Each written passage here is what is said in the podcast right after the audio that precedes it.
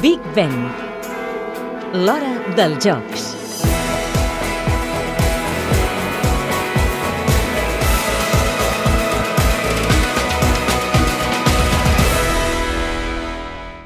Els d'aquest estiu seran els tercers Jocs Olímpics que organitzarà Londres, que també va acollir els del 1908 i del 1948.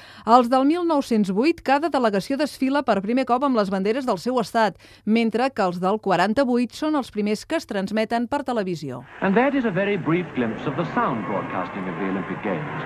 Now what of television?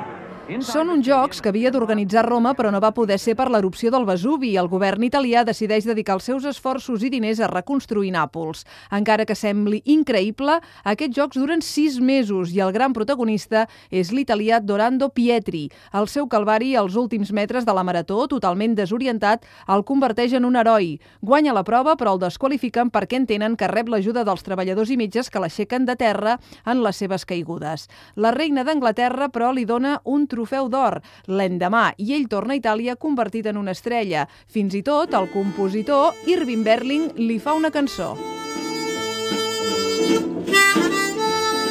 L'estrella dels Jocs del 48, els primers després de la Segona Guerra Mundial, és l'holandesa voladora Fanny Blankers-Koen. Amb més de 30 anys i dos fills, guanya quatre ors i fa callar molts dels seus compatriotes que la criticaven perquè consideraven que no s'ocupava prou de les criatures. Al 1999, la Federació Internacional d'Atletisme l'escull atleta del segle. Sorry, I'm a little nervous. Demano disculpes perquè estic una mica nerviosa. Voldria donar les gràcies a tothom que ha fet possible que jo avui rebi aquest premi.